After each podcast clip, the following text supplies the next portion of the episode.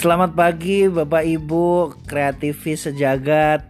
Ketemu sama gue di sini Andri Gultom di pagi hari ini hari Sabtu pagi menjelang weekend yang udah pada siap punya rencana ke sana kemari mungkin bisa ngeluangin waktunya sebentar untuk dengerin podcast kita.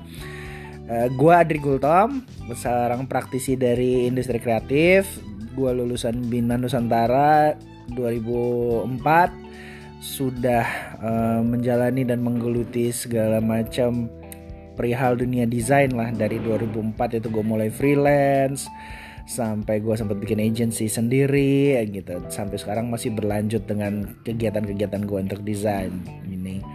Nah pagi hari ini gue mau ngebahas tentang perubahan yang terjadi di industri kreatif khususnya di bidang cafe atau graphic design dulu itu zaman gue masih kuliah segala sesuatu itu memang nyangkut desain masih secara dominan lebih ke arah hal-hal yang sifatnya printing.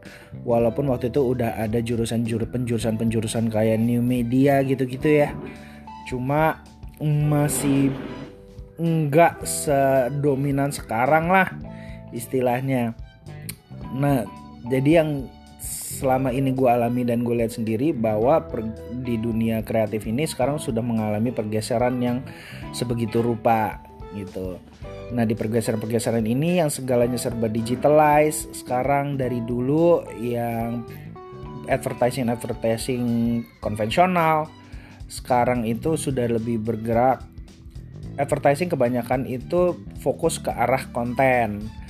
Nah ngomongin konten, gue pagi hari ini juga ada sama temen gua dia pakar konten tersohor.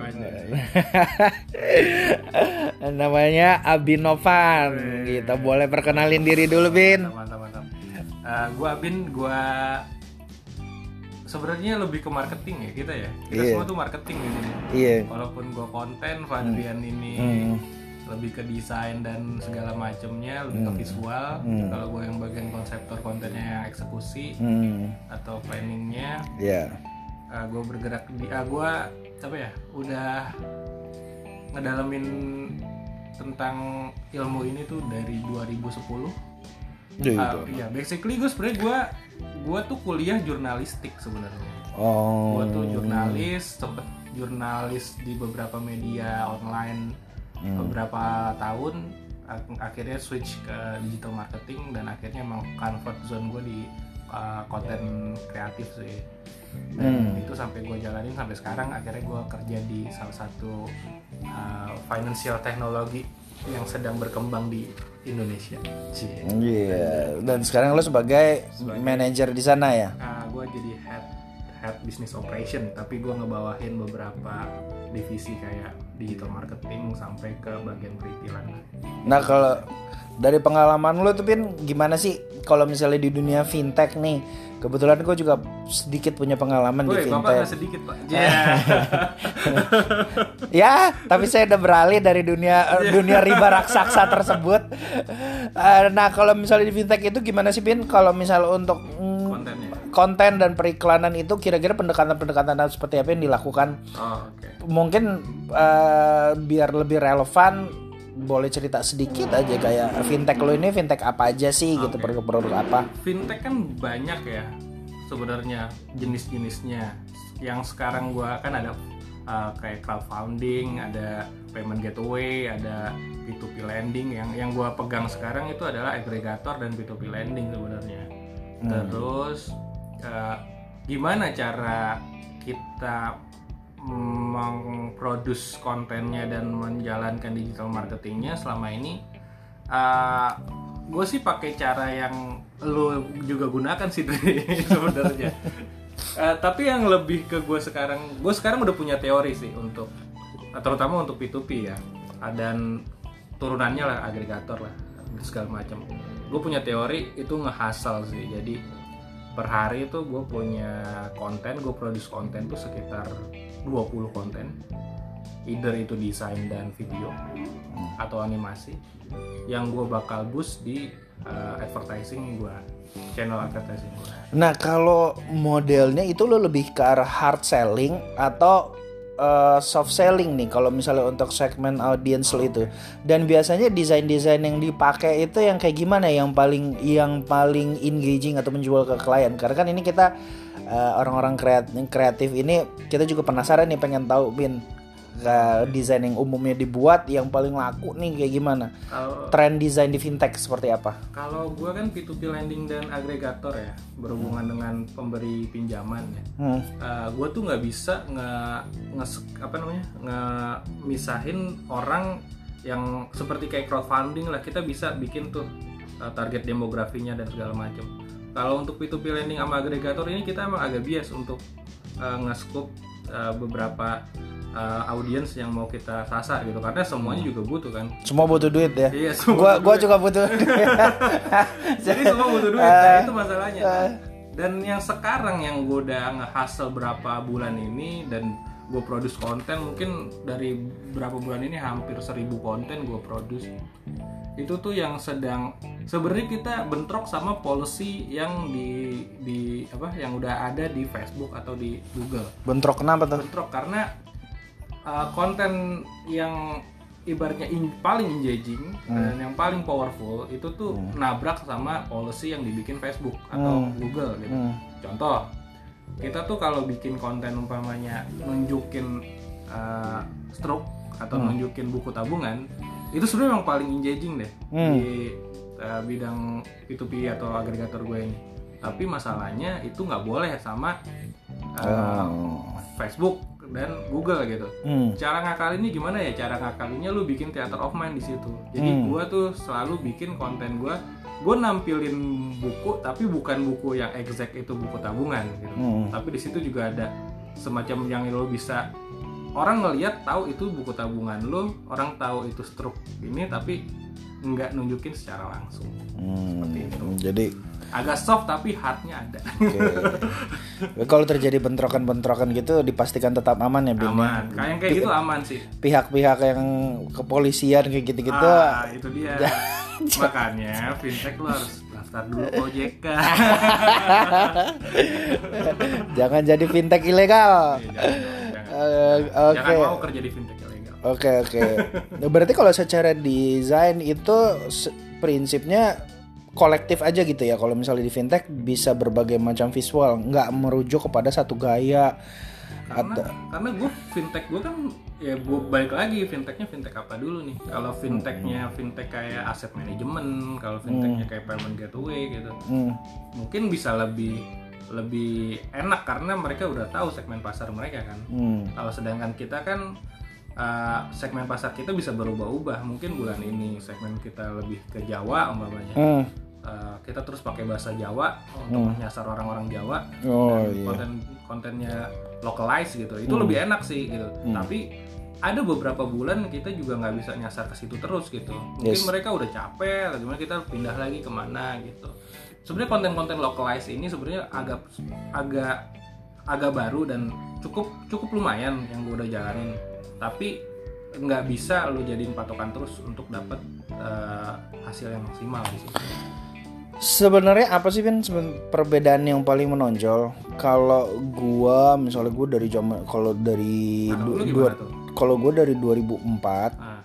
kalau misalnya kita namanya bikin brosur, bikin promotional kit lah, bikin brosur, pamflet, poster gitu-gitu ya. Ini kan semua sifatnya konvensional. Hmm kalau ketika kita menjalankan satu kam campaign kampanye gitu nah dengan metode konvensional kayak gini kita baru bisa ngerasain impactnya setelah setelah kampanye selesai dan tidak ada tolak ukurnya. Ya, nah, kalau misalnya di yang di digital ini segala sesuatu advertising kan serba bisa diukur secara real time ya betul, gitu. Betul. Apa aja sih sebenarnya pro kontra pro kontranya kalau misalnya lu pernah kepikiran antara yang konvensional sama yang digital nih? Uh, masalahnya gini, uh, kalau konvensional bukan berarti buruk juga dong. Nah, masih dibutuhkan juga untuk beberapa yes. Uh, lo, oh, segmen dan niche tertentu ya. ya uh, segmen dan niche tertentu juga uh, butuh uh, pakai cara yang tradisional. Hmm. Tapi masalahnya fintech ini kan emang uh, core-nya ada di uh, digital gitu. Hmm. Dan kalau lu core kalau kalau umpamanya kita nggak intuit dan ngeluarin banyak uh, effort di digital juga kita nggak bakal survive juga kan hmm. nah yang kalau umpamanya dibandingin uh, plus minusnya apa eh, lu bilang plus minusnya atau apa ini ya pro kontranya misalnya digital itu ah, kekurangannya apa kelebihannya okay. apa uh, kalau digital kekurangannya kita nggak bisa terlalu kita makanya ini nih Dri sebenarnya uh, gue sih sekarang sedang ngejalanin yang namanya community base ya hmm. itu sedang jalan uh, hmm. jadi uh, kita ngumpulin orangnya di digital uh -huh. akhirnya kita ketemu secara person in uh, ya kayak ketemu lah gitu lu maintain satu komunitas, gitu ya itu. Uh. nah itu kan tradisional kan sebenarnya iya itu nah sebenarnya itu yang harus dijaga sih kalau lo running di uh, platform seperti ini gitu hmm. di mana pun sebenarnya hmm. harus ada touchnya dengan uh, audiens lo apa user lo masalahnya kalau biasanya perusahaan-perusahaan yang digital tuh cuma mereka semuanya all by numbers semuanya by numbers gitu. Hmm. sedangkan tradisional yang dulu kan kita maintain orang per orang gitu. Hmm. nah minusnya tuh digital gitu. Nah sekarang kalau bisa kita mulai deh nih. Dari digital kita bisa ke tradisionalnya dapat digitalnya dapat dan kita bikin community based gitu. Art gitu. Artinya kan sebenarnya bukan berarti yang periklanan print print out kayak gitu yang konvensional itu mati atau tenggelam atau gimana juga ya tapi kan ini kan berarti sebenarnya sekarang lebih ke gimana supaya di balance karena kita tahu berarti yang online juga dibutuhkan tapi yang yang konvensional juga tetap dibutuhkan juga eh, ini sih uh, kalau ya teori marketing sederhana sih lu lu lu harus tahu audiens lu ada di mana sih. Betul. Iya kalau lu audiens lu ada di digital ya lu bakal harus ya kenceng di situ gitu. Hmm. nah kalau audiens lu let's say lu jualan inilah uh, kayak umpamanya apa sih tuh yang di pinggir-pinggir jalan tuh ngasih brosur? Uh, sedot WC umum atau apa gitu kan. Lu kalau di digital kan agak agak sulit untuk menemukan orang yang ini kan tapi kalau lu bikin brosur-brosurnya lu tempelin di beberapa hmm. perumahan hmm. itu kan lebih yeah. dapat iya iya orang jadi kembali lagi ke produknya aja gitu. produknya gitu. dan target lu ada di mana hmm. target pasar lu karena gue sih sebenarnya sejujurnya gue eh, mungkin ini ego gue sebagai desainer ya gue kalau misalnya dalam berkreasi entah kenapa gue lebih suka berkreasi untuk sesuatu yang sifatnya konvensional atau print out nah, karena gue suka bermain-main dengan bahan. Kayak dulu waktu gue skripsi itu gue tugas akhir gue gue bikin buku. Gue bikin buku gue suka dengan bahan-bahan kertasnya gue exploring gue eksperimental cut out kertas-kertasnya finishing produknya bindingnya gitu-gitu. Itu semua pengalaman yang menurut gue lo nggak bisa dapat sebagai seorang desainer di di online. Betul. Tapi kan on online itu mungkin lo bisa bermain dengan yang sifatnya mungkin motion graphic gitu-gitu dan dan lain-lainnya. Jadi sebetulnya kembali lagi ke preferensi masing-masing orang-orang kreatif ini kali ya uh, seniman-seniman desain ini. Menurut lo Dri kalau yang tradisional ya yang jalan sekarang ada nggak sih yang kayaknya menohok lo bilang, "Wih, ini bagus banget nih." Kayak kayak tradisional tapi lu bisa engaging ke situ gitu. Ada nggak produk apa terus bentuknya seperti apa? Gua itu kalau misalnya print out yang konsisten selalu menarik buat gua adalah publisher. Publisher kayak page one uh, Gestalten. Karena mereka selalu memproduksi buku-buku yang menurut gue bukan cuma sekedar coffee book table. Lu taruh di meja terus udah jadi pajangan. Yeah. tapi orang kalau ngebaca itu mereka ngerasain satu experience gitu mulai dari bau bahannya sampai teksturnya sampai cuttingnya hardcovernya dibikin supaya eh, sedemikian rupa finishingnya gitu loh. Nah menurut gue mereka publisher publisher yang gue gue sering ikutin gitu loh. Misalnya mereka punya uh, mereka punya buku-buku desain baru apa gitu apa pun itulah. Kalau brand ada. Kalau sekarang udah emang switch semua kayaknya ke digital kalau brand ya? kita ngomongin advertising berarti. Iya, kalau advertising menurut gua nah itu dia kembali sebenarnya masalahnya. Gua ngeliat impactnya sekarang ini yang paling terdampak dengan arus digitalisasi di dunia kreatif ini adalah agency-agency yang konvensional kayaknya mengalami kendala untuk bersaing dengan yang digital gitu lah. Karena Iya, semua klien-kliennya sekarang udah beralih ke digital. Mereka mau bikin web web series, mereka mau mau bikin vlog, mau bikin uh, microblogging di Instagram misalnya. Sedangkan kalau yang untuk konvensional kan mereka sifatnya mungkin bikin event, bikin campaign, uh, nyewa billboard dan lain-lain.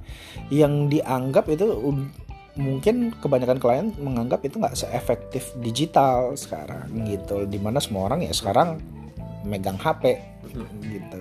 Dan itu mudah untuk diakses. Jadi belum ada brand yang Bel belum ada ya? Uh, sekarang masih? kalau sekarang mungkin ya yang personally gue suka ya yang paling gue suka mungkin kayak Ogilvy gitu gitu Leo Burnett gitu. Oh agensinya. Agensinya kayak gitu gitu cuma gue gue sendiri belum punya pengalaman kerja di advertising yang mumpuni kayak ya, gitu sih. Kan kita pernah satu kantor. agensi terbaik. Ada, ada, ada di Jakarta Utara situ lah ya. Agensi luar biasa. Mantap. Bercanda-bercanda lokal. Bercanda domestik. Oke, okay, berarti gue ambil kesimpulan ya eh, bahwa sebenarnya uh, nggak usah terlalu khawatir. Justru kita harus harus ngelihat bahwa arus digitalisasi sekarang ini menambah ba semakin banyak media-media yang bisa dimanfaatkan oleh orang-orang kreatif Betul. gitu loh. Supaya mereka berkarya bah uh, bahkan lebih jauh lagi daripada konvensional sekarang mungkin mereka bisa mulai belajar. Misalnya mereka mau ngembangin ilmu sampai uh, coding atau programming sampai tahu HTML 5 yeah. mungkin gitu. Iya. Mereka mau bikin media-media yang mau sifatnya motion graphic dan lain-lain. Jadi se sebetulnya di satu sisi makin menantang, tapi semakin menarik gitu loh buat buat para pelaku industri kreatif ini gitu. Dan untuk industri kreatif yang tradisional yang lo bilang tadi yang hmm. base-nya on printing atau segala macam, hmm. uh, mereka pun bisa uh, intuit dengan digital karena lu bisa bikin umpamanya desain yang bagus, printing yang bagus, hmm. dan lu bisa uh, dan itu bisa orang ngelihatnya di media yang lebih mainstream di digital itu juga bakal jadi salah satu uh, cara lu buat naikin tradisional advertising lu kan. Yes. Oke, okay, oke. Okay keren keren keren. Mantap diskusinya pagi hari ini. Ya kurang lebih kayak gitu. Kurang... kita bakal ini nih bakal rutin. Bakal rutin kita.